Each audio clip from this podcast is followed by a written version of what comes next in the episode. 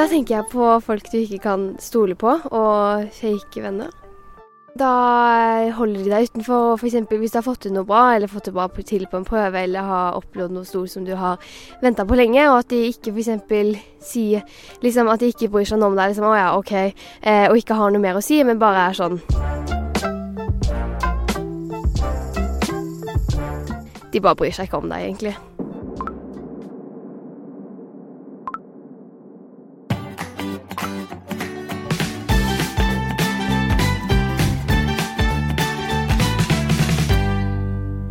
Himling med øynene, ignorering, ghosting, barn som slutter å ta kontakt med dem man tidligere var som erteris med, utfrysing og utestengning. Hedvig Montgomery, hvorfor gjør alt dette så veldig vondt? Det gjør vondt fordi vi mennesker er konstruert for kontakt. Vi er konstruert for dialog. At vi sier noe til hverandre og blir møtt. Og det betyr at når du ikke får svar, så er det virkelig noe som bryter med det mønsteret vi har med oss. Vi er laget for å være to. Hvor tidlig begynner egentlig barn med dette her? Eller mennesker, da, som jo barn er. Du kan si at uh, det å søke seg mot dem man liker, og ikke være med dem man ikke liker, sånn er det jo hele veien. Uh, men dette avanserte sosiale spillet, hvor det å baktale eller det å ikke svare virkelig kommer i spill, så er vi stort sett oppe i femte klasse. Det er sånn typisk alder hvor dette virkelig tar fart? Da tar det virkelig fart, og det tar fart fordi det er det store temaet for dem akkurat da. Nemlig hvem hører jeg sammen med, og hvor er min plass. Betyr det at man eh, i mindre aldersgrupper, når man liksom mistenker at noen blir holdt utenfor lek osv., at det egentlig ikke handler om dette? Det handler mye mer om at de da bare trenger hjelp til å få det til å funke, til å få det til å gli. Uh, og det er mye lettere som voksen når det er en femåring eller en åtteåring Uh, og komme inn og si jo, jo, men her er det en ball til, vi får til alle sammen, og så vil det fungere. Den hjelpen der er ikke like effektiv når vi snakker om elleveåringer. Eh, man får vel sikkert en liten, eller en dum følelse. At man føler seg litt dårlig, og at man, ikke, man føler seg at man ikke blir likt. Hei, jeg heter Hanna og er 14 år. Jeg heter Ingrid, og jeg er også 14 år. Man lager grupper som inkluderer f.eks. en klasse uten en person, da. Da sier man jo ganske tydelig at man ikke liker den personen, at man ikke vil ha med den personen. Og enda verre er det jo da hvis de snakker om den personen i gruppa på måter som da ikke er hyggelig, da. At de sier slemme ting om denne personen. Er ikke sånn definisjon på mobbing sånn at man gjør ting som eh, mottakeren ikke synes er greit over lengre tid. Ja. Og hvis da utestenging da foregår over lengre tid, så blir jo det mobbing. Utestenging er på en måte bare ikke inkludere.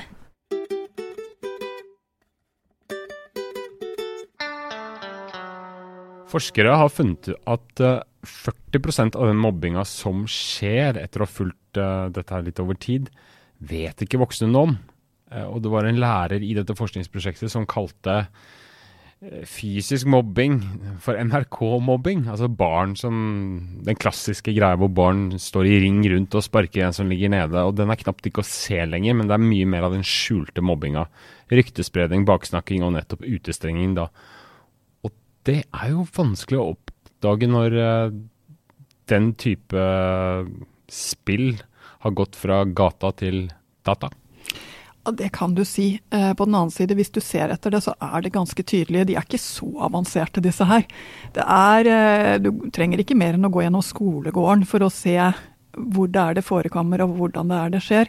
Men du må se etter det. Du må faktisk ha blikket for det. Og det andre det er at vi vil jo så gjerne at det skal være bra.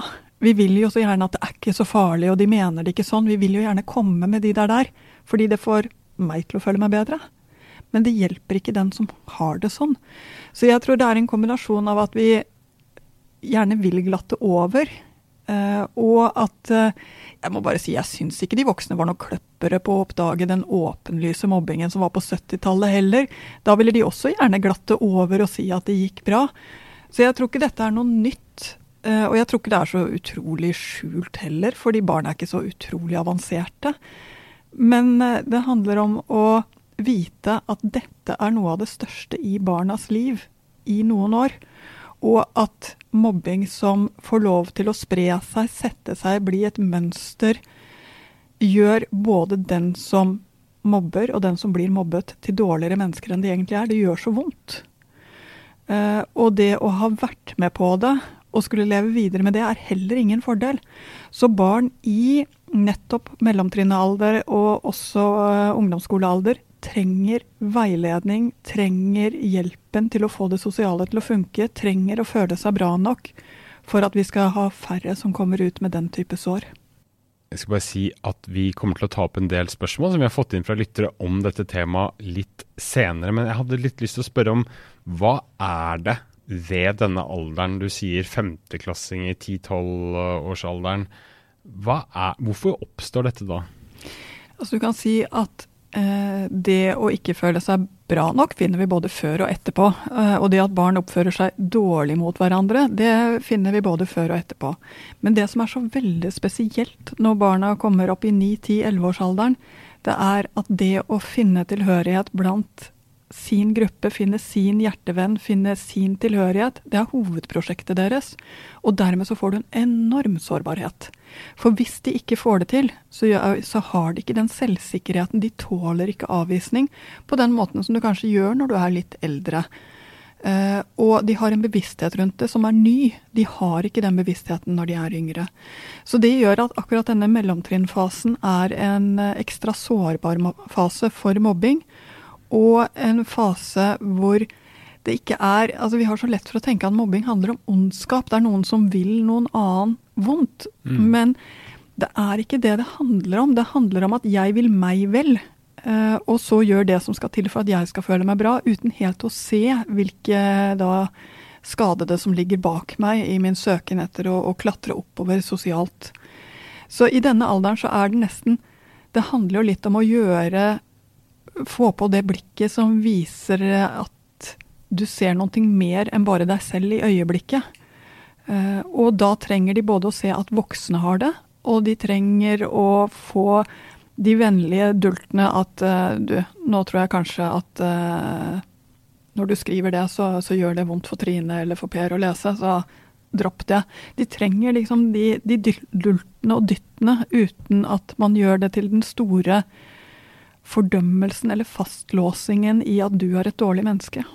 For sånn type utestengning er jo sjelden sånn én mot én, eller én til én. Det er et poeng da, kanskje at det skal være en sånn slags alliansemoment der flere mot én involvert, er det det? Mm. Og vær klar over hvor fort dette her uh, skjer.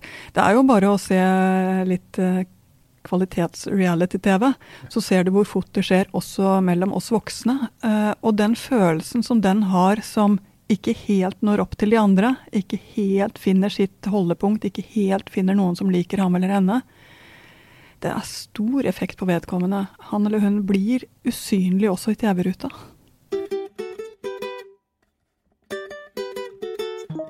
Vi skal ta noen spørsmål fra noen lyttere litt sånn underveis her, som sagt. Og det er en mamma til en jente i 11-årsalderen som spør om hva kan foreldre egentlig gjøre og hun sikter da til subtile former for utestengning som man kanskje ikke legger merke til med en gang. Og i neste omgang er det greit å ta det opp med de såkalte venninnenes foreldre, hvis man kommer så langt. Ikke sant. Jeg tror det er to, tre ting her. Den første det er at det aller viktigste du gjør som forelder, er å holde på kjærligheten til barnet ditt, og ikke gjøre dette til det store problemet, men rett og slett tåle at det er vondt. Eh, barn tåler så dårlig å stå alene. Eh, og i det øyeblikk det er noen som sier 'jeg hører hva du sier, jeg skjønner at det er kjipt', og det beste jeg kan gjøre akkurat nå er å stryke deg over ryggen, så er det faktisk lettere å leve med at det er sånn. Så det første er å huske på ikke glem å være mamma, ikke glem å gå tur med bikkja og prate underveis. Ikke glem de tingene som er de fine tingene dere to har sammen som uh, pappa og barn eller mamma og barn. Fordi det er viktigere enn noen gang. Det andre det er at den første jeg ville ha tatt det opp med, er læreren. Fordi dette er så vanskelig for læreren å se. Det skjer Det er så mange inne i klasserommet. Men læreren trenger å vite hva som skjer i det skjulte for å kunne være en god lærer inne i klasserommet. Så du gjør læreren bedre ved å si Jeg vet, mitt barn vil selvfølgelig ikke at jeg forteller dette til deg, men bare sånn at du vet det. Det skjer noen ting på nett sånn og sånn, eller på fritiden sånn og sånn, eller på fotballen sånn og sånn. Jeg vil bare at du skal vite det. Men ikke ta det opp sånn at det blir vanskelig for min sønn eller datter. Fordi i det øyeblikk de føler seg dolka i ryggen, at de har blitt tysta på, da mister du den kontakten. Mm. Men en god lærer skal klare akkurat dette her, nemlig å si ah, 'takk for at du fortalte meg, da skal jeg ha et litt annet blikk neste gang jeg går inn i klasserommet'. Fordi det syns i klasserommet også, når du vet hva du skal se etter. Bør jeg ta det opp med de andre foreldrene? Ja, her kan man jo ønske seg eh, et eh, rungende ja, selvfølgelig. Men det kommer jo an på hva slags forhold du har til disse foreldrene, og hva slags foreldre det er. Eh, og jeg tror mange som har prøvd, sitter igjen med en blandet erfaring. Nemlig at du selv nærmest følte deg som et mobbeoffer når du prøvde å ta det opp. At de sier ja, er det så farlig da? Mm. Men sånn må det jo være. Alle kan ikke like alle. Altså at du får disse her tilbake igjen. Og situasjonen er egentlig bare blitt mer fastlåst, ikke mindre. Så jeg ville ha sett situasjonen litt an. Er jenter verre enn gutter? Mobbing er mer utbredt blant gutter enn blant jenter. Uh, og om hvem som er verst. Altså I gamle dager så var jo gutter de som eh, var uh, fysiske, synlige. Uh, guttedoen. Eh, nå er det, som den forskningsrapporten eh, er inne på, mye mer skjult også blant guttene. Og guttene har lært seg av oss jentene å trekke skulderen litt mot nordøst, samtidig som de ser skrått ned til venstre og svarer 'vet ikke' når de blir spurt, istedenfor å si 'her er du helt idiot'. Eh, så guttene har gått Og jeg, jeg, jo ikke, jeg kjenner jo når jeg sier det at jeg syns jo ikke dette er så positivt. Jeg skulle ønske at guttene ikke hadde tatt dette etter oss. Men vi har vært så flinke til å slå ned på den synlige mobbingen. Så vi har tatt bort mye av den og det hadde jo vært fint, det, bortsett fra at mobbing er nettopp mellommenneskelige relasjoner gone wrong. Og når de har gått feil, så finner de på mange måter sin vei som vannet, så da finner de andre måter å gjøre dette på. Eh, så vi finner mer av denne skjulte utestengingsmobbingen blant gutter nå enn tidligere. Vi finner mindre av eh, den åpenbare mobbingen. Mobbetallene ligger ellers ganske stabilt, og har gjort det så lenge vi har målt det, mer eller mindre. Så gutta har på en måte blitt litt mer det eh, blir kanskje feil ord i denne sammenhengen, men litt mer sofistikerte i måten å løse dette ugreie greiene på? Altså, De vet jo hva det blir slått ned på. Uh, og det er jo slik at, at det virker. Mm. Mm. En annen forelder lurer på når snakker vi egentlig om utestengning, og når er det simpelthen bare at noen vokser fra hverandre? Ja, Det er jo et utrolig godt spørsmål. Eh, og sannheten er at dette har vi jo ikke noe godt svar på. Fordi vi definerer mobbing ene og alene som en subjektiv opplevelse. Altså jeg opplever at jeg blir stående helt alene, og at alle andre skyver meg vekk. Jeg føler meg alene i denne situasjonen. Så er det faktisk nok til at vi rent subjektivt vil si at det er utestenging. Så kan du si er det ment som utestenging fra de andre? Det er jo ikke sikkert. Har de kanskje bare vokst fra hverandre? Det kan godt være. Og det kan til og med være av og til at noen ting som egentlig er utestenging, ikke blir opplevd som det, fordi at vedkommende sier bare 'Å ja, men da går jeg og gjør noe annet', og så virker det ikke, hvis du skjønner. Så vi har ikke noe Altså, intensjonen hva det er for noe den som stenger ute, vil med det, er mindre viktig enn det opplevelsen er for den som blir stengt ute, hvis du skjønner. Og det betyr at det viktigste vi har, er igjen kontakt med barna våre. Hva skjedde i dag? Eh, hvordan har du det? Hva tenker du om det? Ok, og hva skjedde så? Altså Den type prat med barn i denne alderen betyr mye for at vi skal få tak i hvordan de egentlig har det. Fordi det å det å ikke være god nok får de fleste til å trekke seg inn i seg selv og bli tause, ikke sant? Det får de fleste til å bli usynlige. Mens det vi trenger, det er å få dem ut av det skallet og frem. Det høres ut som du da i denne sammenheng er uh, taler varmt om ren omsorg og trøst, men hvordan skal man håndtere det da, hvis man selv da kjenner at det begynner å bruse og man blir sint og trist på barnas vegne og får lyst til å ta affære? Ja, Det kan jeg love deg at du kommer til å kjenne. Hvis du har noenlunde normale, normalt spenn av følelser inni deg, så, så, vil du jo det. Det skjønner jeg godt. Det er bare at det er ingen hjelp for barnet ditt. Ingenting? Ingenting. Sånn at du kan godt si vet du jeg blir skikkelig fortvila når jeg hører dette, eller jeg blir skikkelig sint. Men jeg vet jo at det ikke akkurat hadde hjulpet om jeg løp ut i skolegården og lagde eleven. Da vil barnet ditt nikke og si nei, det hadde ikke hjulpet. Så det hadde til og med vist at du hadde litt forståelse av situasjonen. Så blir du skikkelig, skikkelig oppgitt, skikkelig, skikkelig sint, skikkelig, skikkelig eh, bekymra eller frustrert, så er mitt beste råd snakk med en annen voksen.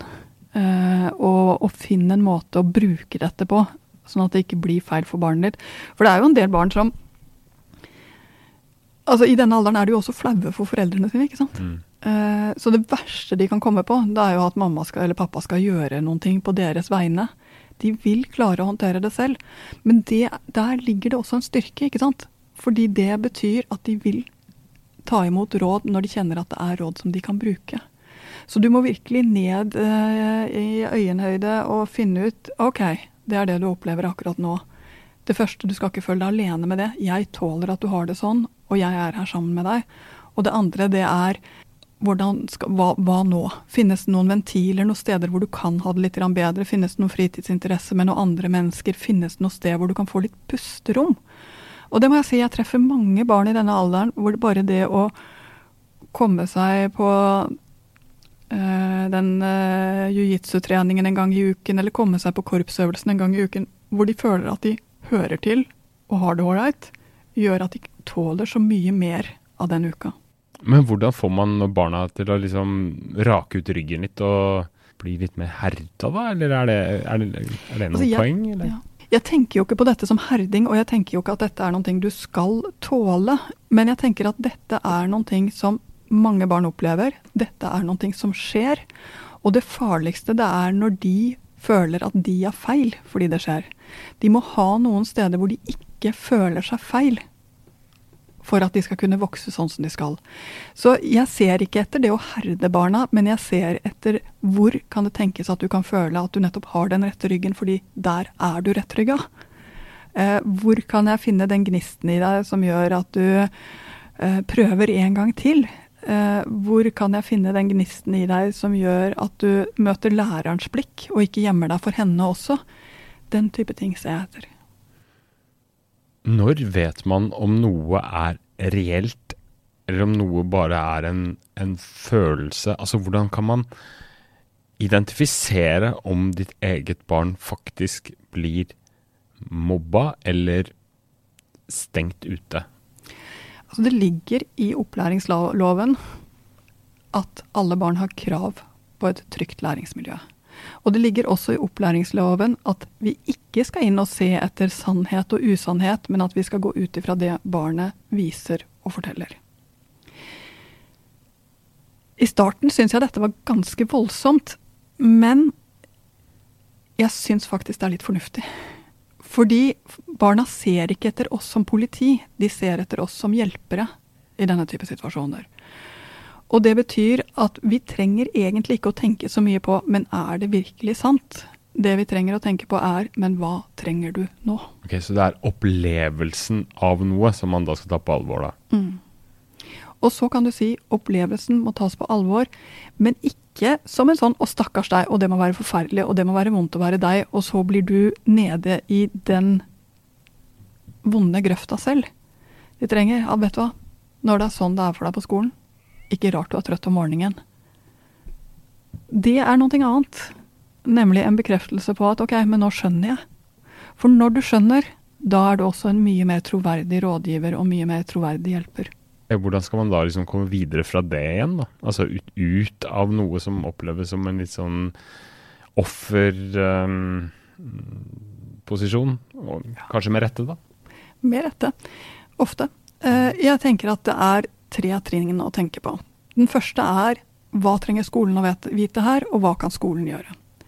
Uh, I skolemiljøet hvor det er god undervisning, godt lære, en god lærer som klarer å dra barna med seg, så er det også mye lavere opplevelse av mobbing.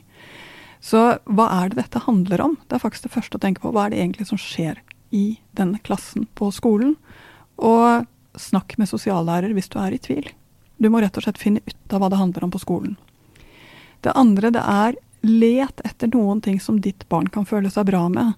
Om det er å gå på hundekurs, eller om det er å eh, lære seg eh, japansk. Altså, jeg vet ikke, men jeg ser at de barna som kjenner at de blir hengende litt der på siden, de trenger å kjenne at det finnes andre som dem.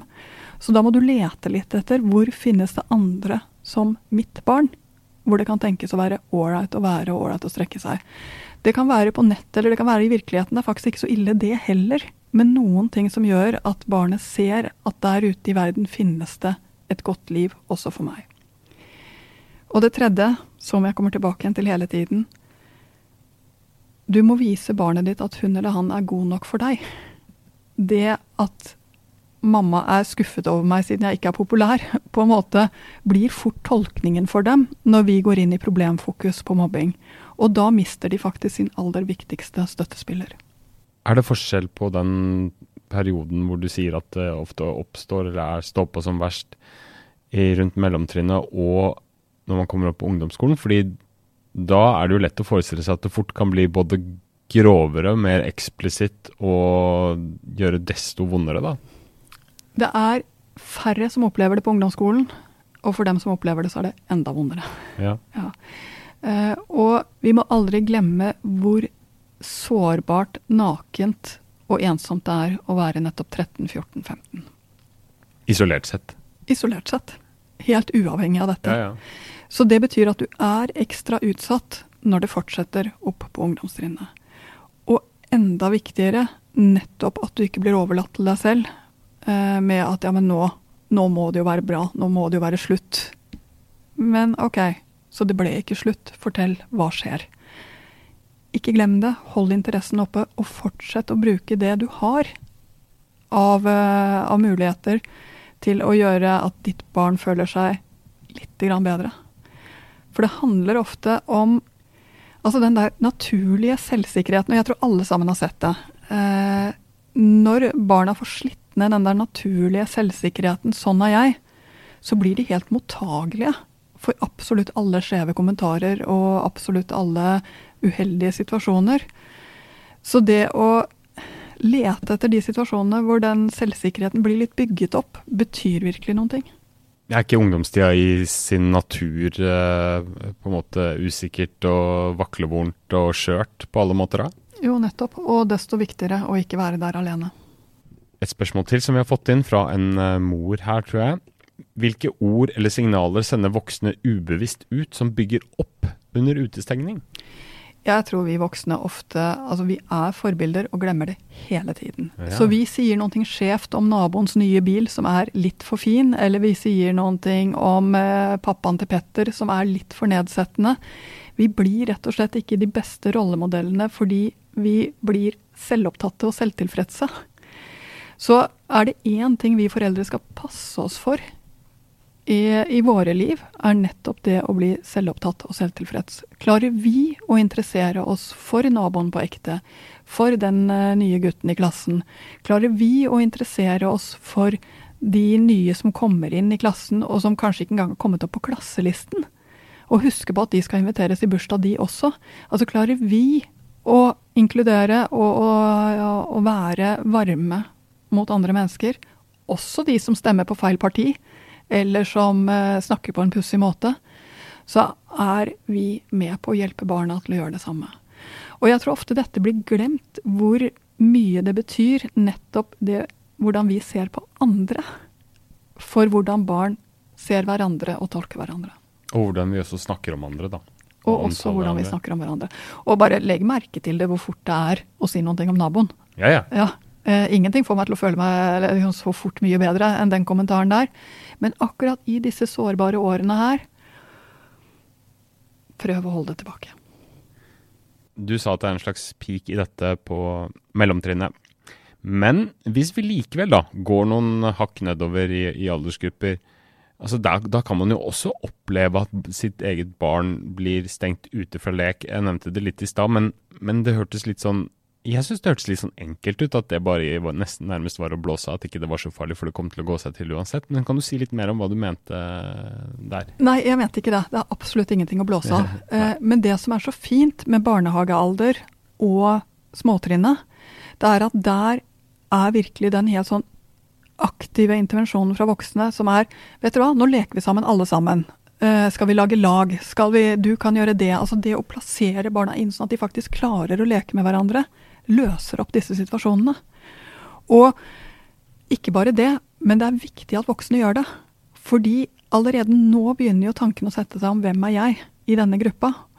Og hvis barna da allerede nå begynner å falle utenfor fordi de kanskje ikke er så raske med å ta initiativ, fordi de kanskje er litt redde og blir stående litt på sidelinjen, så vil det vokse seg større, og de vil ha en sårbarhet som er enda større når de kommer inn i eh, mellomtrinnet.